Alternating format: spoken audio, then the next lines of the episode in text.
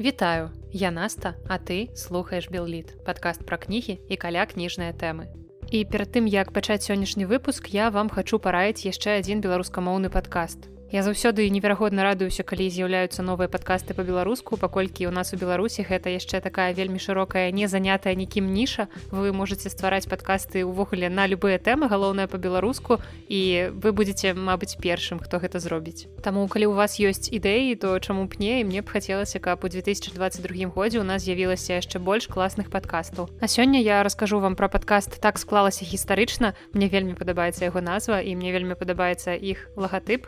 Падкаст падкаст гэта як вы можете зразумець назвы прысвечаныя гісторыі беларусі. І аўтарка гэтага падкаста кандыдат гістарычных навук Ганна дзяхель яна запрашае ў свае выпускі розных спецыялістаў дасведчаных гісторыкаў і абмяркоўвае з імі падзеі з'явы з нашага мінулага. Усе складаныя гістарычныя тэмы яны разбіраюць простай мовай і на сёння выйшла ўжо 11 выпускаў там ад полацкага княства да крызісу рэчы паспалітай. Тэмы абсалютна розныя госці абсалютна розныя і я з задавальненнем слухаю ганну і яе гасцей таму што гэта сапраўды займальна гэта захапляльна і раю вам таксама далучацца і паслухаць падкаст так склалася гістарычна. Ну і яшчэ раз калі вы адчуваеце ў сабе сілы калі вы маеце што сказаць гэтаму свету то я заклікаю вас таксама записывать падкасты. Калі у вас ёсць нейкія пытанні напрыклад можна звяртацца да мяне. Я не скажу што я такі ўжо спецыяліст у падкастах але першыя крокі я магу дапамагчы вам зрабіць патлумачыць што як рабіць бо да мяне ўжо многія мае знаёмыя звяртаюцца з такімі пытаннямі у іх вітаюць такія думкі ў галаве што можа быть варта было б што-небудзь запісаць і вось яны звяртаюцца каб спытаць як это ўвогуле з чаго пачынаць. Ну а калі вам хочацца пагаварыць гаварыць пра літаратуру то я заўсёды рада бачыць гасцей у сваім падкасці нават калі вы не звязаныя са светом літаратуры непасрэдна не ствараеце яе вы не пісьменнік там перакладчык паэт. Калі вы просто чытач ўсё роўна мне было б цікава паразмаўляць з чытачамі з людзьмі які актыўна чытаюць і беларускую замежную літаратуру. Таму калі у вас ёсць тэмы на якія вы хацелі б выказацца якія вы хацелі б са мной абмеркаваць то пішыце мы прыдумаем якім чынам гэта ўсё можна арганізаваць як можна запісаць з вами з гасцямі новы выпуск і на сёння для мяне гэта ўжо другі выпуск подкаста які я записываю. Першы выпуск мы записывалі разам з маёй калегай у нас з ёй ёсць сумесны падкаст кніжная шафа у якім мы рассказываем пра жыццё нашай кнігарні і ў новым выпуску мы дзяліліся топам продажаў нашай кнігарні за 2021 год. Мы рассказалі якія кнігі былі там з першага па сёмае месца самыя самыя прадаваныя і спойлер гэта ўсё былі кнігі беларускіх выдавецтваў. Што нас бязмежна парадавала вось мы там гаворым пра гэтыя кнігі раем вам таму што амаль усе кніжкі з таго топа мы прачыталі. Ну і таксама мы рассказываем пра цікавыя гісторыі які ў нас за апошнія дні апошнія тыдні што мы не чуліся ў гэтым падкасці які ў нас адбыліся ў кнігарні. а Ну і сёння выпуск майго подкаста ўжо будзе таксама не вельмі звычайны, не вельмі просты, бо можа быць вы ўжо спадзяваліся, што нарэшце яна ў сваім падкасці адна без ніякіх гасцёў, але не сёння ў мяне таксама будуць невялікія сюрпрызы для вас. Я спадзяюся, што гэта сюрпрызы прыемныя. І сёння акрамя мяне вы таксама пачуеце іншых людзей, якія ў нашай імправізаванай студыі будуць прысутнічаць віртуальна, бо я попрасіла вядомых беларускіх літаратараў, паэтаў перакладчыкаў, пісьменнікаў запісаць для мяне невялічкія аўдыо дакладней нават больше для вас. Каб вы маглі паслухаць галасы літаратараў я подумала што гэта вельмі важна. У наш час калі няма магчымасці наведваць нейкія літаратурныя мерапрыемствы каб вы працягвалі чуць гэтых людзей каб яны мелі магчымасць нешта да вас данесці І структура сённяшняга выпуска вельмі простая. У мяне ёсць топ найлепшых прачытаных у мінулым годзе кніг беларускіх аўтараў на беларускай мове, плюс невялічкі топ дзіцячай літаратуры таксама на беларускай мове. Там ёсць як і беларускія аўтары, так і перакладныя кнігі. І сёння я вам раскажу пра ўсе гэтыя кнігі беларускіх кнігавыдаўцоў. І мае гісторыі пра канкрэтныя кнігі будуць чаргавацца з галасамі літаратару якія таксама будуць расказваць пра тое што класнага яркага запамінальнага ў іх адбылося ўвогуле за гэты год. Можа быть гэта атрыманне літаратурных прэмій або выхад доўгачаканай кнігі або нейкае там адкрыццё. І таксама яны вам параюць па адной кнізе можа некаторыя нават не па адной якая ім найбольш запомнілася ў 2021 годзе прычым гэта творы не толькі беларускай літаратуры але і замежныя творы. Таму я спадзяюся гэта будзе цікава.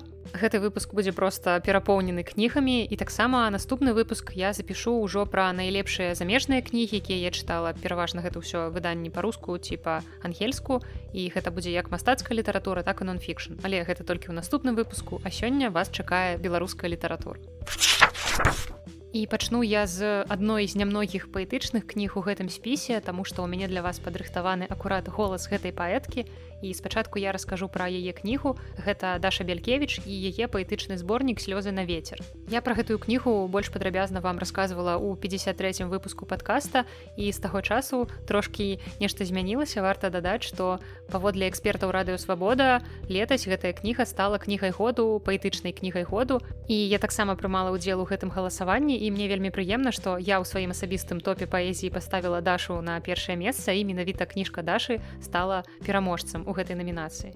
І яшчэ раз паўтаруся што ў 53 выпуску я рассказывала пра гэтую кнігу больш падрабязна зараз толькі дадам што калі вы цікавіцеся сучаснай беларускай паэзіяй калі вас цікавяць новыя яркія маладыя галасы то даша бялькевич гэта менавіта тое на што вам варта звярнуць увагу ну як бы недарэмна гэтая кніга ўсё ж таки была адзначаная іншымі і яна атрымала кнігу года. Буду сачыць вельмі за далейшай творчасцю дашы я спадзяюся што яна яшчэ парадуе нас новымі зборнікамі. І я попрасила дашу запісаць для майго подкаста колькі слоў таму зараз мы паслухаем дашу. Мяне зовут дарья белькевич і я распавяду якая прачытаная кніга больш за ўсё ўразіла мяне ў 2021 а яшчэ я раскажу пра літаратурную падзею года якая мяне вельмі ўзрушыла. Кніга ад якой я была ў шоку ў 2021 выдадзена ў 1993 у год майго нараджэння напісаная да 1982 а рэальна падзеі гэтага твора адбываліся ў часы ссср і росквіту сталінізма ў ім.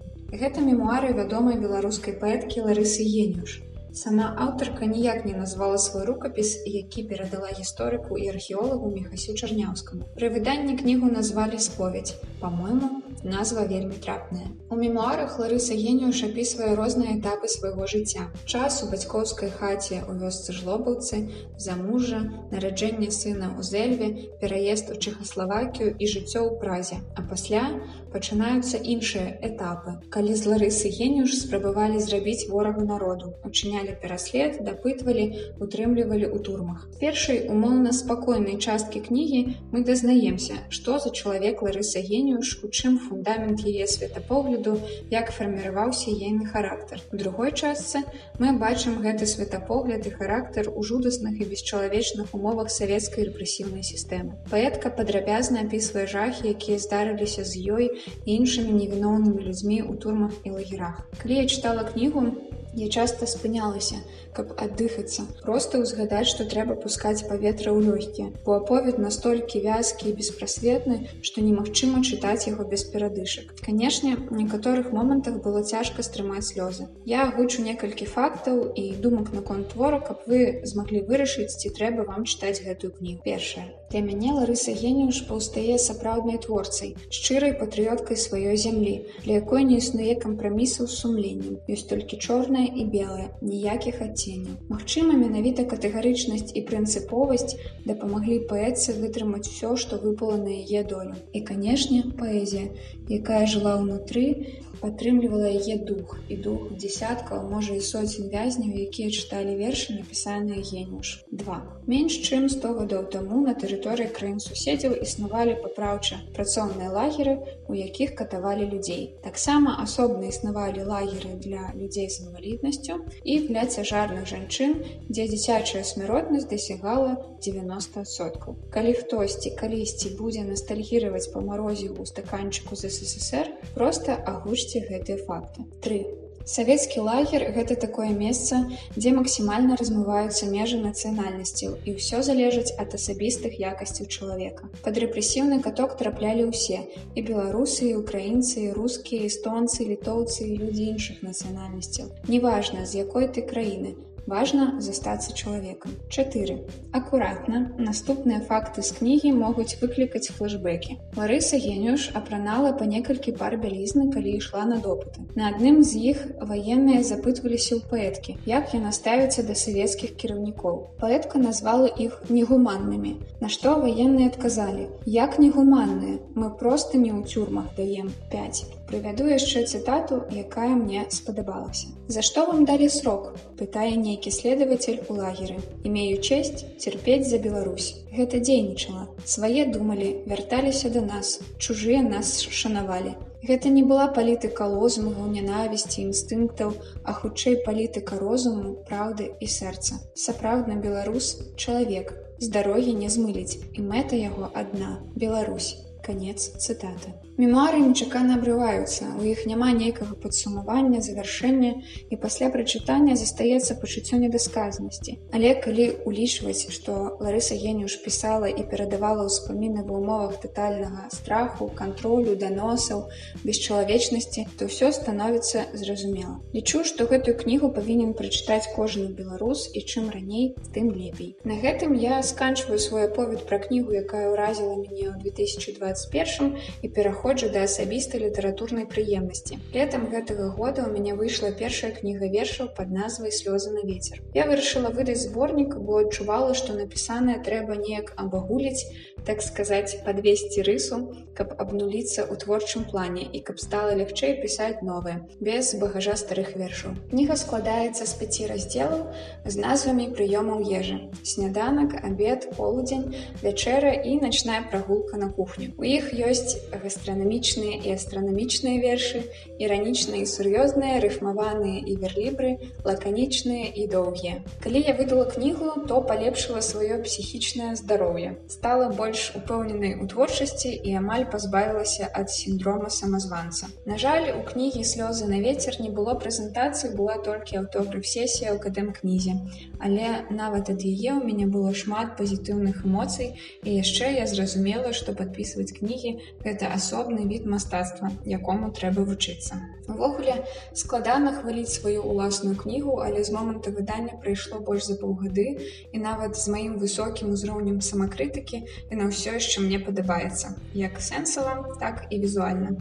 Таму калі вы давяраеце майму густу, то пачытайце. А калі не давяраеце, можна пачытаць водгук на маю кнігу аўтаркі гэтага падкасту. спойлер, водгук пазітыўны.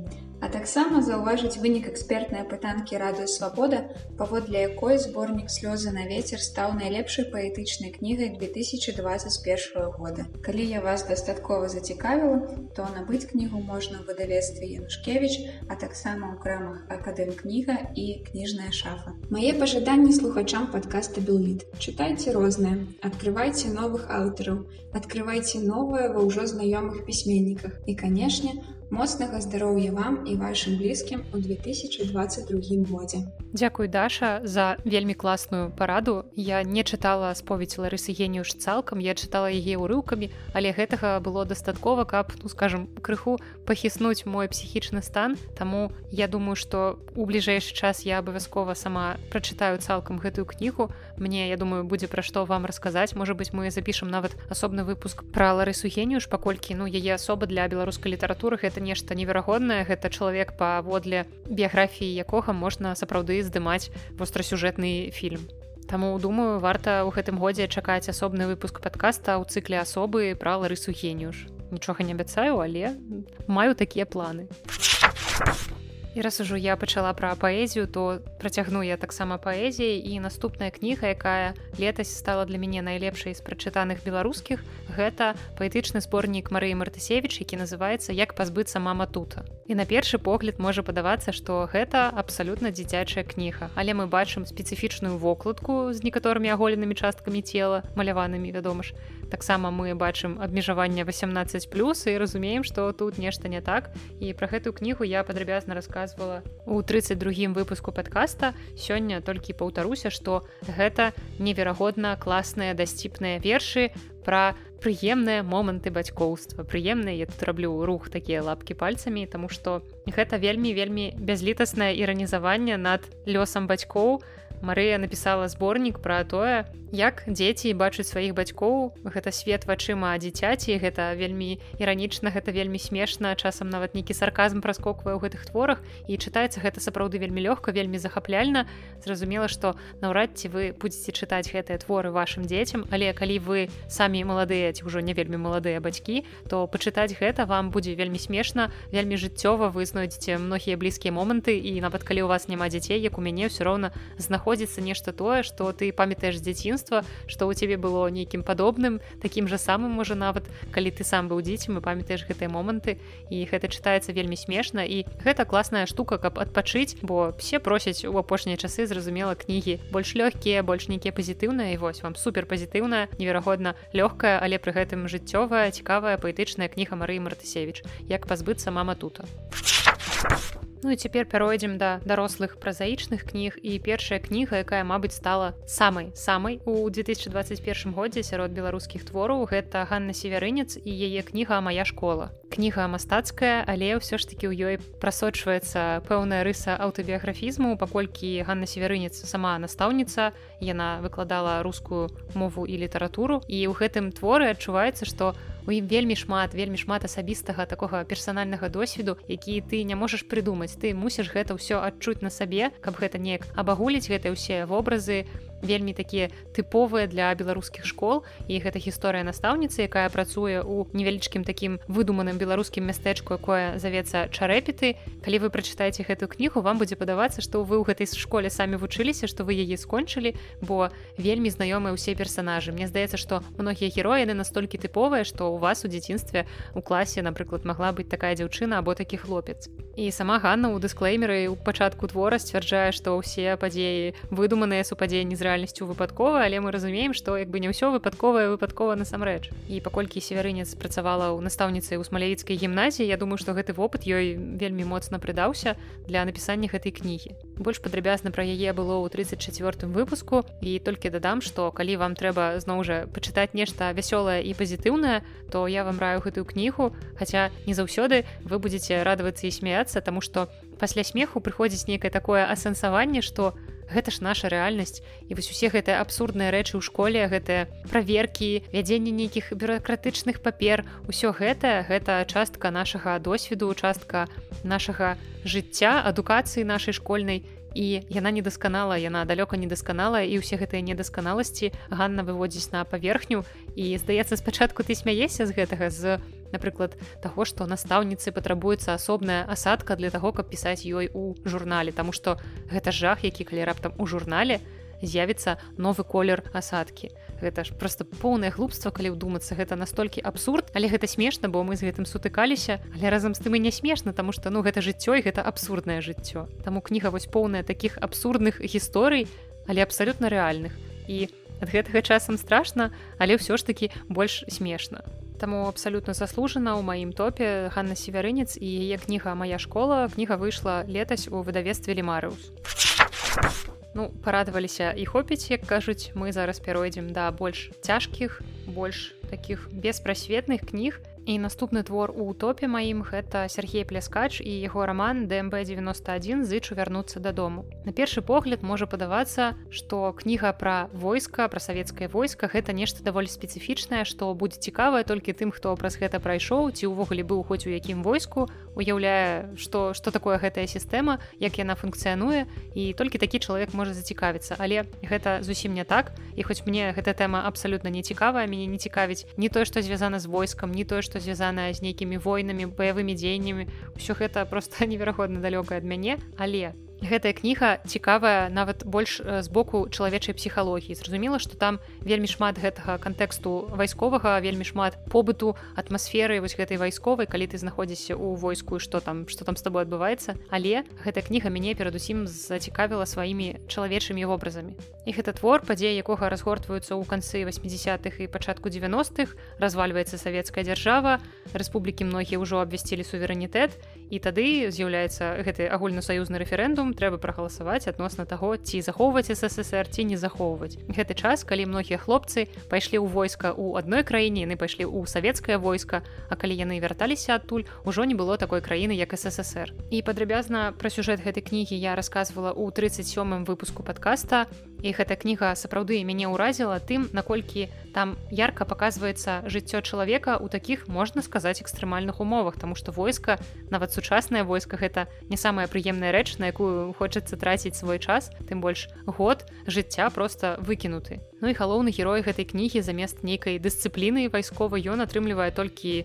здзекі маральныя фізічныя здзекі дрэннае медыцынскае абслугоўванне нейкае існаванне просто на мяжы галюцынацыі на мяжы рэальнасці і нерэальнасці тому что гэта недахоп сну і гэта ўсё прыводзіць вось да такіх катастрафічных наступстваў. І гэта вельмі страшна бо здавалася б войска гэта ўсё ж тое месца дзе скажем гадуюцца людзі якія мусяць абараняць нашу краіну. Але насамрэч гэта месца становіцца месцам дзе людзі не вельмі стабільныя фізічна псіхічна яны паказваюць сваю сілу і выказваюць нейкія ў бок іншых людзей неадэкватныя дзеянні Таму шмат увагі ў творы надаецца гэтаму страшнаму вядомаму нам усім паняццю як дзедаўшчына. І аўтар даследуе феномен гэтага чаму ўвогуле яна ўзнікае чаму яна развіваецца як гэта ўвогуле дапускаюць людзі. Таму калі тэма вам цікавая то чытайце абавязкова а нават калі не цікавая але вы любіце творы дзе добра прапісаныя характары людзей дзе добра паказана жыццё існавання нават існаванне больш чым жыццё чалавека у нейкіх неспрыяльных экстрэмальных умовах то гэты твор сапраўды тое што варта прачытаць.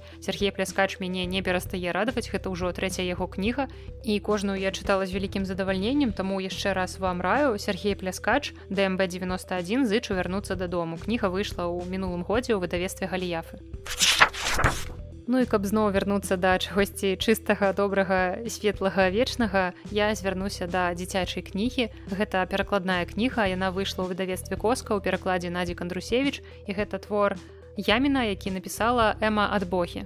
Гэта гісторыя для дзяцей недзе 5 плюс, якія ўжо ўяўляюць, што такое школа. І гэта твор пра тое, як дзеці знаходзяць сабе цудоўнае месца для гульняў, якое патрабуе ад іх сапраўды ўключэння нейкай фантазіі, Таму што там няма нейкіх непасрэдна цацак, гульняў, атракцыёнаў, нічога такога няма, гэта ўсё ствараецца выключна сіламі іх фантазій і падрабязна пра гэту кнігу было ў 26 выпуску подкаста я просто яшчэ раз нагадаю што гэта такі цудоўны твор які могуць чытаць не толькі дзеці але і дарослыя і перадусім нават дарослыя каб неяк успомніць пра тое як это дзяцінства як гэта калі перад табой просто не існуе ніякіх межаў усё все дзверы адчыненыя таму што ёсць фантазія твоя цудоўная і яна можа звычайную яміну каля школы ператварыць у сапраўдны дыснейленд а Ну і раз ужо я загаварыла пра перакладную кнігу, то наступная устаўка, наступнае літаратарскае ўключэнне будзе ад ольгі гронскай. Гэта перакладчыца, гэта літаратуразнаўца, даследчыца, выкладчыца. І ў перакладзе ольгі гронскай мы маем дзве кнігі. Гэта раман нямецкага сучаснага аўтара Даніэля Кельмана тыль, які выйшаў у выдавестве Янушкевіч і таксама сёлета дакладней летась. Я ніколі не стамлюся проста збівацца ў гэтым выпуску. Летась у 2021 годзе ў перакладзе ольгі гронскай выдавестве Янушкевіч выйшла кніга нямецкай нобелеўскай лаўрэаткі ерты мюллер якая называется сёння я не хацела б сабой сустракацца і вось за пераклад кнігі даниэля кельмана тыль сёлета летась летась ольга гронская была уганараваная прэмія імя карласа шермана за найлепшы пераклад кнігі прозы на беларускую мову і давайте паслухаем што парадавала сёлета ольгу гронскую і якой кніга яна можа з вами подзяліцца таксама спойлер гэта вельмі цікавы твор вельмі цікавая аўтарка якой ольга мяне зацікавіла што я нават планую прачытаць гэтую кнігу таксама прывітанне. Мяне зовут ольга гронская а я крыху раскажу таксама пра свой літаратурны год 2021 і напэўна я пачну з нейкай цікавай ці галоўнай для мяне літаратурнай падзеі не буду безумоўна маніць галоўнай падзеі для мяне канешне стала атрымаць прэмію карласа шермана за пераклад керманаўскага тыля я вельмі рада я настолькі рада что зараз вам таксама пра гэта гавару бо гэты пераклад ён на самой справе вельмі важны для мяне. І так атрымалася ну магчыма гэта таму што першы Мачыма таму што мой э, нейкі уласны перфекцыянізм тут спрацаваў напоўніцу але я настолькі ў ім жыла калі перакладала і настолькі у дарагая для мяне гэтая кніжка і кельманаўская арыгінальная і тое што атрымалася по-беларуску што на самой справе я вельмі усцешаная вельмі удзячаная шчыра кажучы вось я на гэты момант нават не ўзгадаю нейкія іншыя свае вялікія літаратурныя падзеі тому что гэтая просто Э, закрыла фактычна ўсё сабой. З кніжкамі, дарэчы, з нейкімі літаратурнымі адкрыццямі і новымі прачытаннямі і тым, што выйшла э, сёлета вось і я для сябе гэта адкрыла нашмат цяжэй. І я б сказала, што гэта таму, што я адчуваю нібыта в нейкай ступені выйшла выпала з беларускай літаратурнай прасторы я вельмі мала чытала по-беларуску сёлета так атрымалася я вельмі глыбока увайшла ў ролю сваю як выкладчыцы літаратуразнаўцы таму хутчэй у мяне уключаліся зусім іншыя тэксты і чыталіся зусім іншыя тэксты і са мной здарылася на самой справе такое адкрыццё мне хочацца ім дзеліцца гэта кніжка якая у арыгінале по-нямецку выйшла ажно ў 2014 годзе але я яе тады пропусціла і я яе адкрыла пераадкрыла фактычна сёлета для сябе на ну адкрыла таму што не адкрывала раней. З нагоды выхаду перакладу на рускую мову. Гэта кніга каця петровскай якая ў перакладзе называется кажется эстер фляхт эста по-нямецку і гэта кніга надзвычай адметная для мяне зусім з вельмі з вельмі розных нейкіх бакоў. Па-першае гэта кніга украінкі якая напісана ёй на нямецкай мове на нероднай ёй мове. І гэта кніга якая апавядае ну, бы вуснамі аўтаркі пра э, жыццё яе сям'і яе пра бабкі прадзеда деда бабулі падчас халакосту падчас э, другой сусветнай вайны і іншых вось гэтых падзеяў.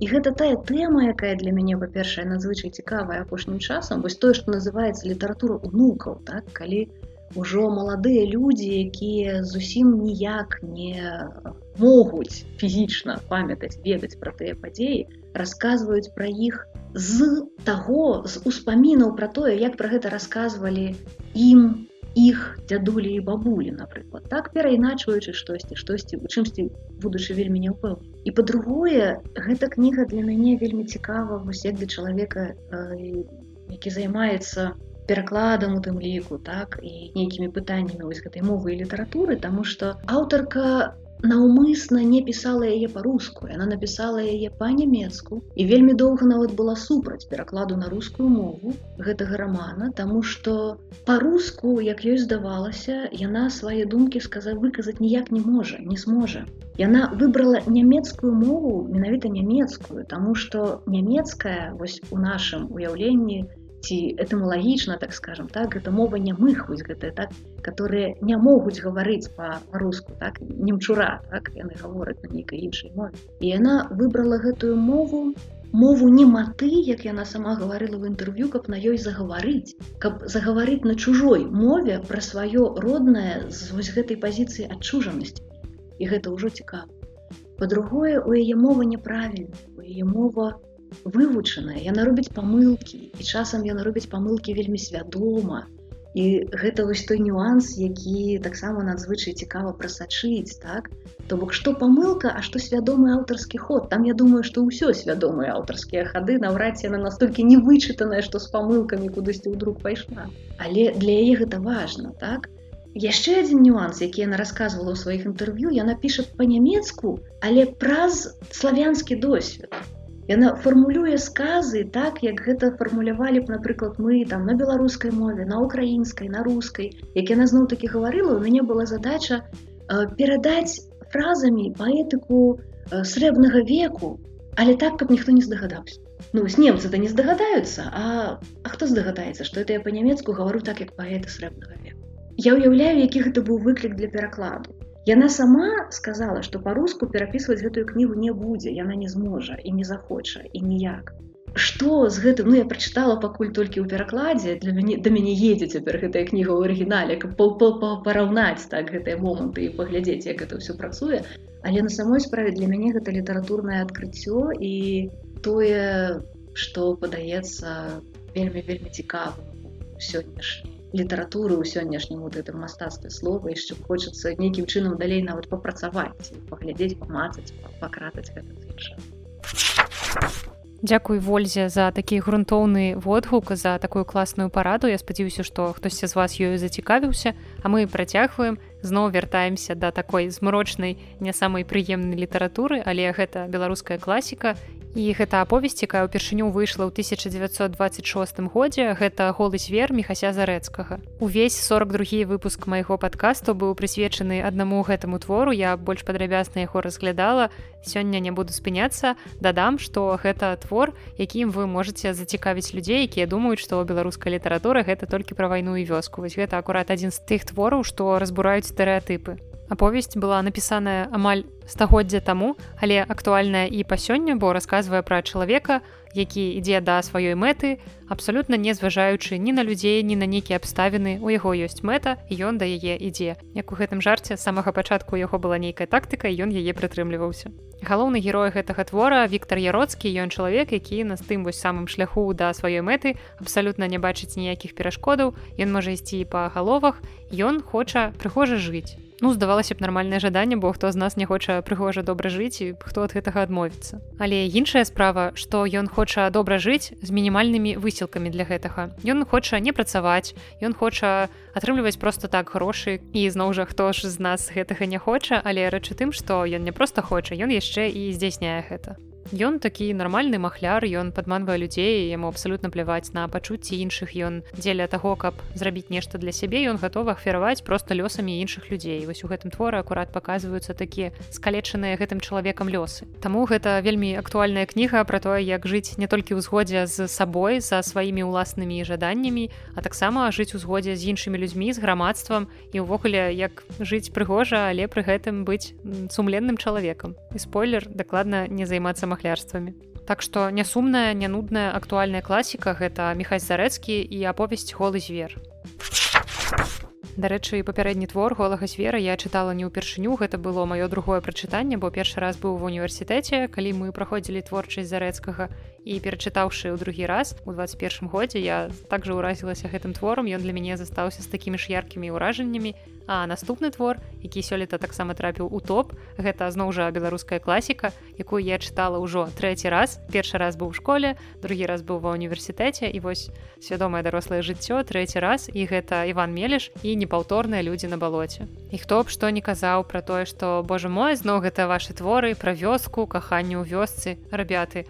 Але так апісаць каханне ў вёсцы як зрабіў гэта мелеш гэта трэба мець сапраўды вялікі талент. І гэта той твор героя якога выклікаюць проста неверагодную гаму пачуццю і зусім нядаўна ў 53 выпуску подкаста я з вами дзялілася некаторымі цікавымі фактамі наконт гэтага твора тому што летась гэты твор святкаваў свой 60гадовы юбілей і таксама юбілей святкаваў і сам аўтар Іван мелеш І ў цікавых фактах я рассказывала пра тое, як, напрыклад, мог называцца гэты твор і што мы маглі б мець замест гэтага ўжо брэндавага людзі на балоце. Паслухайце абавязкова, калі яшчэ не чулі ў канцы 53 выпуску я пра гэта рассказываю. Ну а пра твор я магу дадаць толькі тое, што гэта вельмі эмацыянальна насычаны твор, які застаецца актуальным і па сёння, таму што і па сёння у людзей існуюць у адносінах тыя ж самыя праблемы. Гэта праблема няўмення размаўляць. Ну і таксама зразумела гэта вельмі каларытнае апісанне жыцця беларускага палесся гэтай вёсачкі курані яе жыхароў і гэта вельмі яркія вобразы і школьнікі дагэтуль памятаюць пра як тая рабіна цвіла ў гэтае лета Ганна таму што гэта тое што застаецца ў нас у нейкай генетычнай памяці. Няхай гэта нас прымушаюць вучыць у школе але я думаю што калі людзі пасля школы перачытваюць гэты твор ужо ў сталым узросце ён у іх пакідае выключна станоўчыя ўражанні. Таму калі пасля школы у вас засталіся нейкія негатыўныя ўспаміны то я заклікаю просто адкіньце іх і вы не пашкадуеце. Гэта сапраўды той твор які варта перачытваць у больш сталым узросце каб перажываць разам з персонажамі каб просто крычаць на гэтых персонажаў што ж вы робіце? каб э, хвалявацца як кажуць за іх адносіны больш чым за свае. Таму Іван мелеш людзі на балоце першая частка палескай хронікі просто абавязковы твор для прачытання ў беларускай літаратуры. І я сцвярджаю што гэты твор уваходзіць у калі б ён быў такі залаты фонд беларускай класікі вось гэты твор займае там адно з высокіх пачэсных месцаў.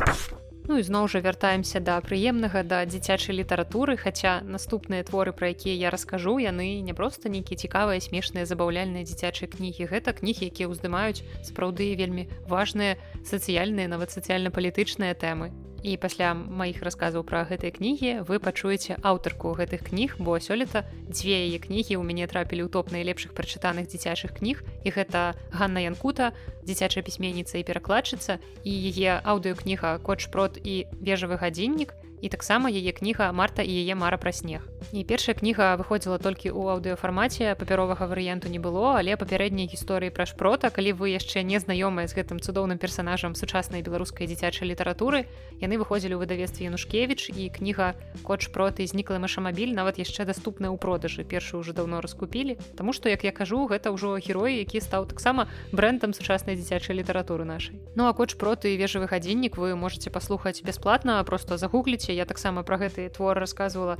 больш падрабязна ў 54 выпуску. Ён выдатна агучаны ён з класным музычным аздабленнем і гэта тое што вы зможаце з дзецьмі задавальненнем паслухаць і самі таксама паслухайце з радасцю тому что там шмат таких блізкіх нам сацыяльна-палітычных момантаў напрыклад у гэтым творы згадваюцца жанчыны з кветкамі якія стаяць уздоўж праспекта такі цікавы спосаб патлумачыць дзецям што ў нашай краіне адбываецца з лета 2020 калі вы яшчэ не ведалі як да гэтага падступіцца хаця здаецца уже столькі часу прайшло але добрая вам такая падказка як з дзецьмі размаўляць на такія ну здаецца непростыя палітычныя тэмы. Ну і другая кніга Ганны марта і яе мара пра снег. Яна выйшла ў выдавестве папуры яна выходзіла і на рускай і на беларускай мовах. Зноў жа з ілюстрацыямі ліліі давыдоўскай як і коч прот ужо нам знаёмыя гэты стыль яе. Мне вельмі падабаецца як малюе лілія для дзяцей і пра гэтую кнігу я рассказывала ў 29 выпуску подкаста.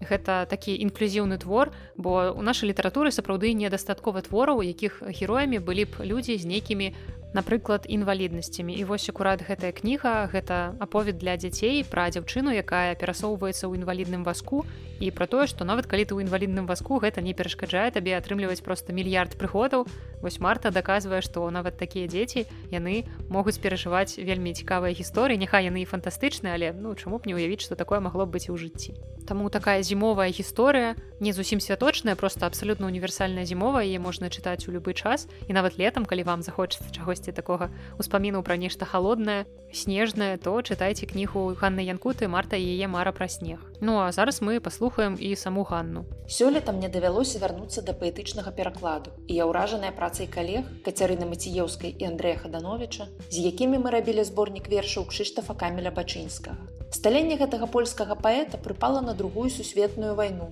і акупацыю варшавы. Ён памёр ва ўзросце 23 гадоў у варшаўскім паўстанні. Пра досвед жыцця пад акупацыяй ён уласна і пісаў. Зборнік паэзія бачынскага стаў 80 у серыі паэты планеты, якую выдае зміцер колас. Серыя выходзіць маленькімі накладамі 250 асобнікаў. Кніга з такім накладам наўрад ці стане падзеяй. Гэта хутчэй спосаб захаваць і развіць тое, што мы маем. У лістападзе я рассказывала пра ўсё гэта пра беларускіх пісьменнікаў і перакладчыкаў у гданьскім універсітэце і сказала, што магчыма калісьці серыя паэты планеты стане запатрабаванай ва ўніверсітэтах і бібліятэках і яе перавыдадуць. І тады пачула ў адказ меркавання, што пераклад паэзіі ў такой сітуацыі робіцца пасланнем у будучыню нашай надзеі на змены і гэтае разуменне літаратуры як надзеі стала для мяне адным з галоўных вынікаў года і мне вельмі падабаюцца гэтыя фінальныя словы Ганны бо сапраўды як трэба любіць тое што ты робіш каб рабіць гэта вось так на будучыню. Каб перакладаць творы разумеючы што магчыма гэта твоя праца будзе ацэненая толькі пазней можа быць калі ты ўжо не зможаш убачыць плёну выніку сваёй працы. Мяне гэта адначасова і ўражвае і разам з тым гучыць вельмі страшна і я ўсё ж спадзяюся што ўсе тыя людзі якія маюць дачыненне да гэтай серыі паэты планеты усе гэтыя перакладчыкі плён сваёй працы убачыць і ў свае часы і змогуць усё гэта назіраць самі і наступны твор які імкліва ўрываецца ў мой топ гэта твор не мастацкі гэта кніга Сергея шапрана тры мяхі дзядзькі рыгора або сам насам з барадуліным кніга выйшла ў 2012 годзе у выдавестве лохвіну Я думаю што імя Сергея шапрана вядома ўсім тым людзям якія чытаюць кнігі пра беларускіх літаратараў бо гэты журналіст шмат працаваў з нашымі аўтарамі такімі як Васіль быкаў рыгор барадулін. Ён напісаў пра іх класныя кнігі. Ён меў магчымасць камунікаваць з гэтымі людзьмі. Гэта ўвогуле просто цуд. Моя вялі вялікая зайздрасць да гэтага чалавека. І таму кніга тры мяхі дзядзькі рыгора для мяне абсалютна заканамерна трапіла ў гэты топ. Я атрымала ад яе вялікае задавальненне.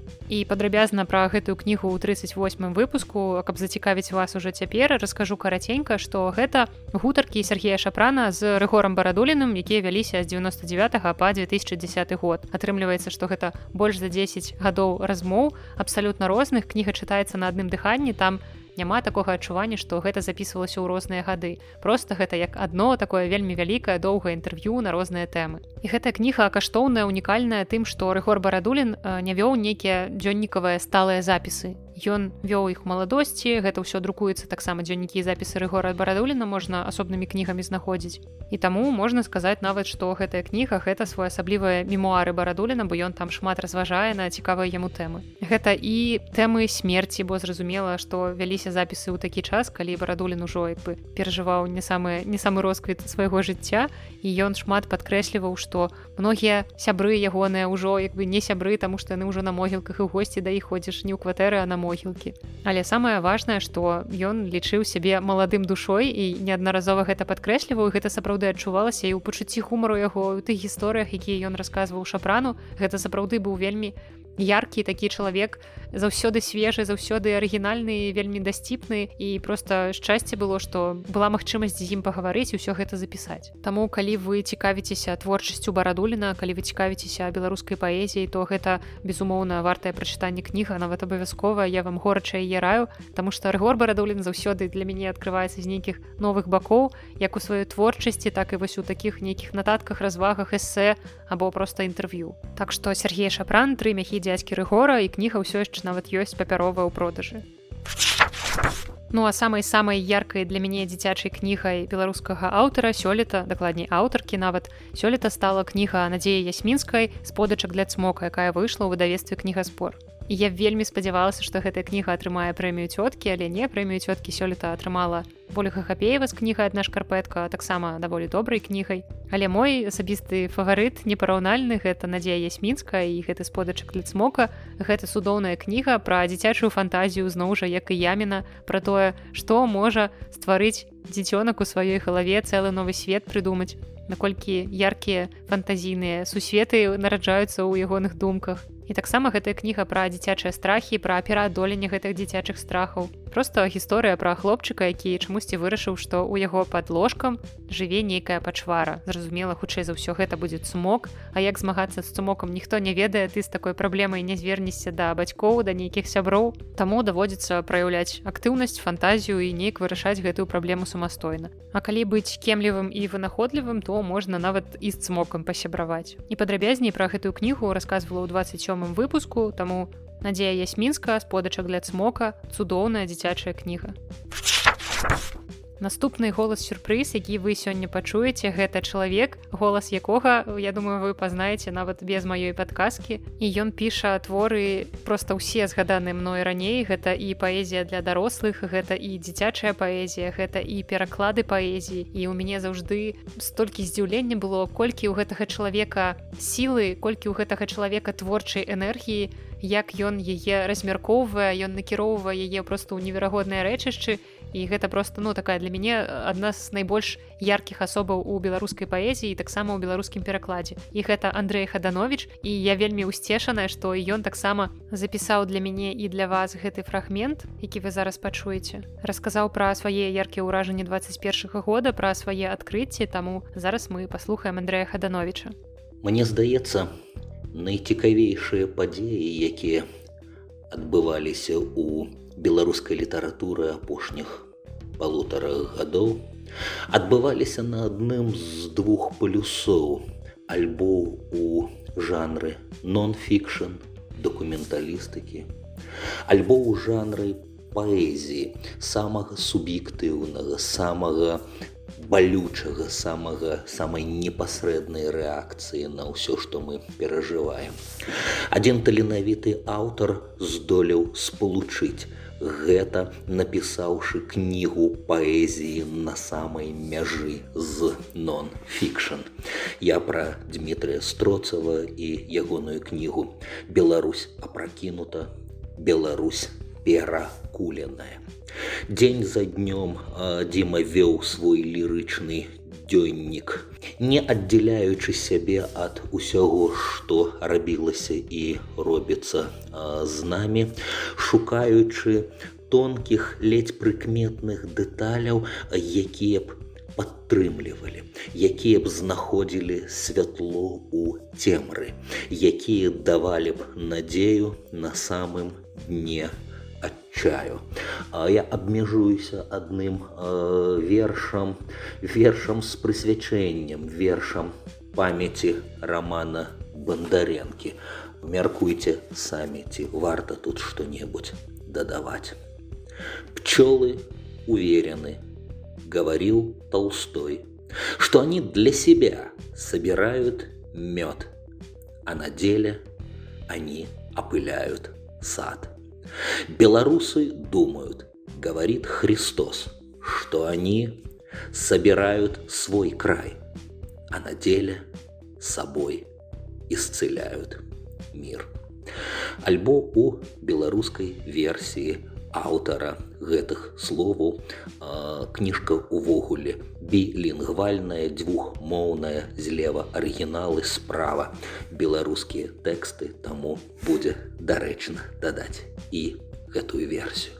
Пчолы упэўненыя казаў толстой што яны для сябе збіраюць мёд а насамрэч яны апыляюць сад. Беларусы думаюць кажа Христос што яны збіраюць свой край, а насамрэч сабою загойваюць свет. Яшчэ адна важная для мяне адна з найважнейшых падзеяў у беларускай літаратуры сёлетняй гэта з'яўленне ў ёй вялікага польскага паэта па-беларуску. Гэта кніга цыпряна каміля Норведа, недооцененага вялікага паэта наступнага пакалення пасля Мцкевіча, паэта, якога адкрывае фактычна толькі 20 стагоддзя. У 19 ён жыве як жабрак і памірае у прытулку для бедных у ваколіцах Парыжа. У 20 стагоддзя найлепшыя творцы, інтэлектуалы польскія хапаюцца за галаву. Гэта ж усё пра нас гэта ж наш прадвеснік гэты ж на гэта ж наш духоўны і мастацкі бацька гэта паэт які выйшаў з рамантызму і просто перакінуў масток у сучасную літаратуру гэта паэт які трагічна дзве траціны а можа і тры чвэрці свайго жыцця пражыў у выгнанне але як мала хто застаўся польскім патрыётам. Але заўважце кажучы пра рэчы балючыя трагічныя спачуваючы ўсіму што баліць не рабіў з гэтага плоскіх бездапаможных публіцыстычных выказванняў знаходзіў спосаб рабіць з гэтага вялікае мастацтва. Паслухайце у маім перастварэнні верш моя айчына цыпрян камель норвід моя айчына хтосьці гаворыць айчынаю мне усё што ляжыць найдаступней. Вёскі палеткі ды жыта ў гумне так яе ступні. Маці трымае дзіця на грудях, першыя крокі, пачатак, сын пасталее і ў ейны працяг крочыць нашчадак. Край мой у новага неба ўваччу. Дух нарадзіўся з хаосу, глінай эдэму даніну плачу свету і лёсу. Золак народаў заспеў я старым, Вечнасць шумела па грудзі, вусны адкрыў ключ давідаў, а рым вывеў у людзі. Падаю тварам уніз, бо ў крыві ступні радзімага краю. І валасамі краіна жыві кроў выціраю плачу па ёй як бацькі і дзяды долю аплаквалі зулую скуру сандаляў яе і сляды любай цэлую дык не кажыце айчынаю мне усё што ляжыць найдаступней. Шнары і боль што ніяк не мяне. Ейныя ступні. Парыж студзень 1861 і гэта быў апошні голас сюрпрыз на сёння далей працягваецца ўсё толькі з маім голасам і у мяне яшчэ засталося некалькі кніг пра якія мне б хацелася вам расказаць і працягну я зноў жа беларускай класікай цэлы 52 выпуск подкаста я вам рассказывала чаму варта чытаць дзённікі Масіма танка лісткі календара. І за гэты час нічога не змянілася. Я по-ранейшаму горача раю вам гэтую кнігу. Калі вас цікавіць гэты перыяд 30 гады жыццё ў вільні жыццё канкрэтна Масіма танка ягоныя развагі пра літаратуру ягоныя спробы весці вельмі актыўнае насычанае культурнае жыццё нават нягледзячы на адсутнасць грошай. Вось нейкія такія матэрыяльныя праблемы. І ён знаходзіў гэтыя магчымасці і гэта толькі проста бязмежна здзіўляе. Таму я буду далей чытаць дзённікі Масіма танка за наступныя гады больш познія. І спадзяюся што гэта будзе настолькі ж яркае чытанне. Ну а пакуль просто адсылаю вас у 52 выпуск калі вы ўсё яшчэ маеце нейкія сумневы просто адкідвайце іх усе далёка-далёка ў самы дальні кут Таму што гэта таксама адзін з тых твораў якія просто абавязкова для прачытання. Ну і далей будзе проста згадка твора аднаго з найлепшых дзіцячых прачытаных мною ў мінулым годзе. Гэта перакладны твор і згадка таму што я яшчэ планую асобны выпуск пра гэты твор. Выпуск які мы запішам з перакладчыкам гэтай кнігі сергеем матыркам я спадзяюся што гэта будзе цікава. Прынамсі я атрымала вельмі добрыя водгукі з нашага папярэдняга выпуска сярожам дзе мы абмяркоўвалі іншы яго пераклад кнігу дзівосныя гісторыі надабраны чэрвена мозара і аказваецца гэта сапраўды вельмі цікава гэта творчая кухня перакладчыкаў як яны працуюць над кнігамі як яны выходзяць з нейкіх тупіковых здавалася б сітуацый. А тут яшчэ і твор крабат гэта даволі такая змарочная сур'ёзная дзіцячая кніга. Таму чакайце больш падрабязны расказ пра гэты твора пакуль просто згадаю што ён сёлета ў топе найлепшага прачытанага на беларускай мове. Кніга выйшла ў 21 годзе ў выдавестве янушкевич і з дзіцячымі кнігамі мы скончылі на сёння. Засталося дзве кнігі дарослыя сур'ёзныя.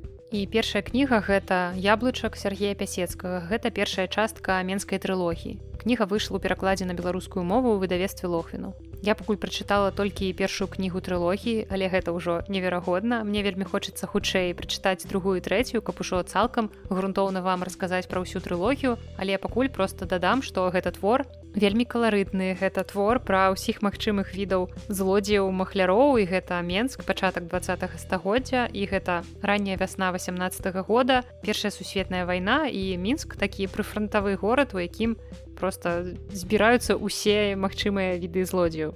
Гэта вельмі смешны вельмі яркі каларытны твор у пра такое закрытае асяроддзе вось гэтых злодзеяў. І галоўны герой акурат адзін са злодзеяў і здавалася б што о рамантызацыя ўсяго гэтага свету.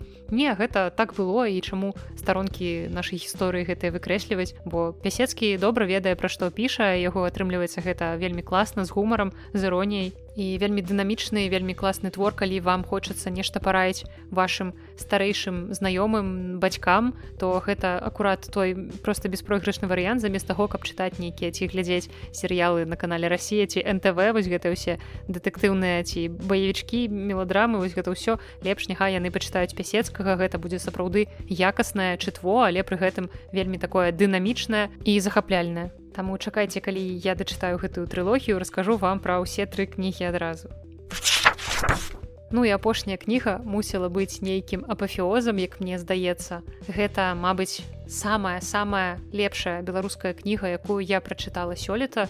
І гэта не толькі маё меркаванне, гэтае меркаванне, напрыклад, журы прэміі гідройце, якое паставіла гэтую кнігу сёлета на першае месца. плюс куча захопленых водгукаў, я давно ну давно не было реально такого беларускай літаратуры каб быў твор які ўсе абмяркоўвалі яшчэ да ўручэння прэміі. Все былі ўпэўненыя што менавіта яна возьме першае месца гэтай прэміі. Так адбылося. І нават пасля прэміі цікавасць да яе не згасла і прынамсі у нас у кнігарні гэтую кніжку актыўна куплялі і да прэміі гідройце і пасля прэміі гідройце і вось акурат у новым выпуску подкаста нашага кніжная шафа я у пачатку анансавала. Мы з калегай абмяркоўвалі што даўно такога не было і гэтай кнізе не патрабавалася некая дадатковая дадатковая рэклама ў выглядзе атрымання прэміі яе б і так куплялі. Бо звычайна прэмію гідройце апошнія гады атрымлівалі кнігі якія проста нават нідзе не купіць. Напрыклад кніга тантамарэскі дубаўца гэта кніга якую выдавала радыё свабода на як бы ў крамах не распаўсюджвалася. Да мяне натрапіла бясплатна яны рассылаюць іх поштай. Калі ў іх выходзіць новыя кнігі то радыё свабода часам паведамляе пра гэта недзе на сайце можна просто бясплатна заказаць гэтую кнігу. Тое ж самае было з кнігай клініка кітайскага дантыста з метра бартосіка. Таксама е немагчыма было недзе на знайсці. Або кніга іллісіна лібіда. Адзін з нядаўніх лаўратаў прэміі якая была выдадзеная вельмі малым накладам і таксама не ўсім хапіла але зноў жа гэта былі кнігі якія ну прагучалі троху і як бы можна сказаць што цяпер пра іх забыліся.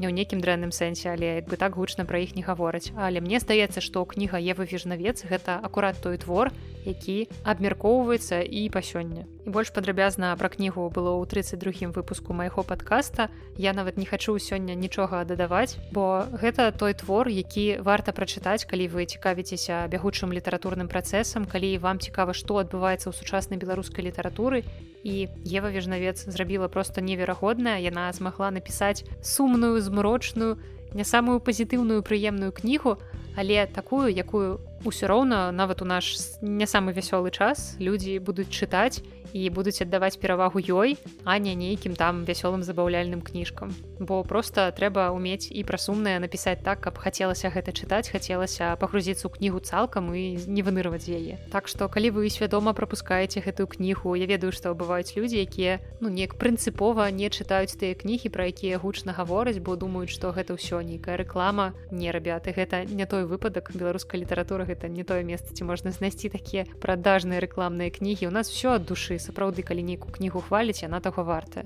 Ну і калі вы давяраеце мне просто просто пачытайце гэтую кнігу вы я спадзяюся не будзеце расчараваны. Калі што ўсе прэтэнзіі можна мне пісаць. Задавальненнем пачытаю. Можа быть агучу некаторыя ваши меркаванні калі у вас ёсць што сказаць чаму вам гэтая кніга не спадабалася. Але спадзяюся што такіх не будзе. Ева вежнавец па што ідзеш воўча? жаночая выдавецкая ініцыятыва пляумбаум і нават не верыцца што гэты выпуск заканчваецца бо мне заўсёды цяжка даюцца вось такія бессюжэтныя скажем без сцэнарныя выпускі калі чыстая імправізацыя я просто ўспамінаю як я чытала гэтыя кнігі вывальваю на вас можа быть нейку плынь сваіх эмоцый але гэта тыя кнігі якія мне найбольш запомніліся ў мінулым годзе пра якія мне хочацца гаварыць якія хочацца раіць каб яны не забыліся каб яны чыталіся каб пра іх пісалі можа быть іншыя людзі Таму спадзяюся што я змагла вас зацікавіць хаця б некаторымі з іх і вось такі атрымаўся мой топ беларускіх і беларускамоўных кніг дарослых і дзіцячых якія я прачытала ў мінулым годзе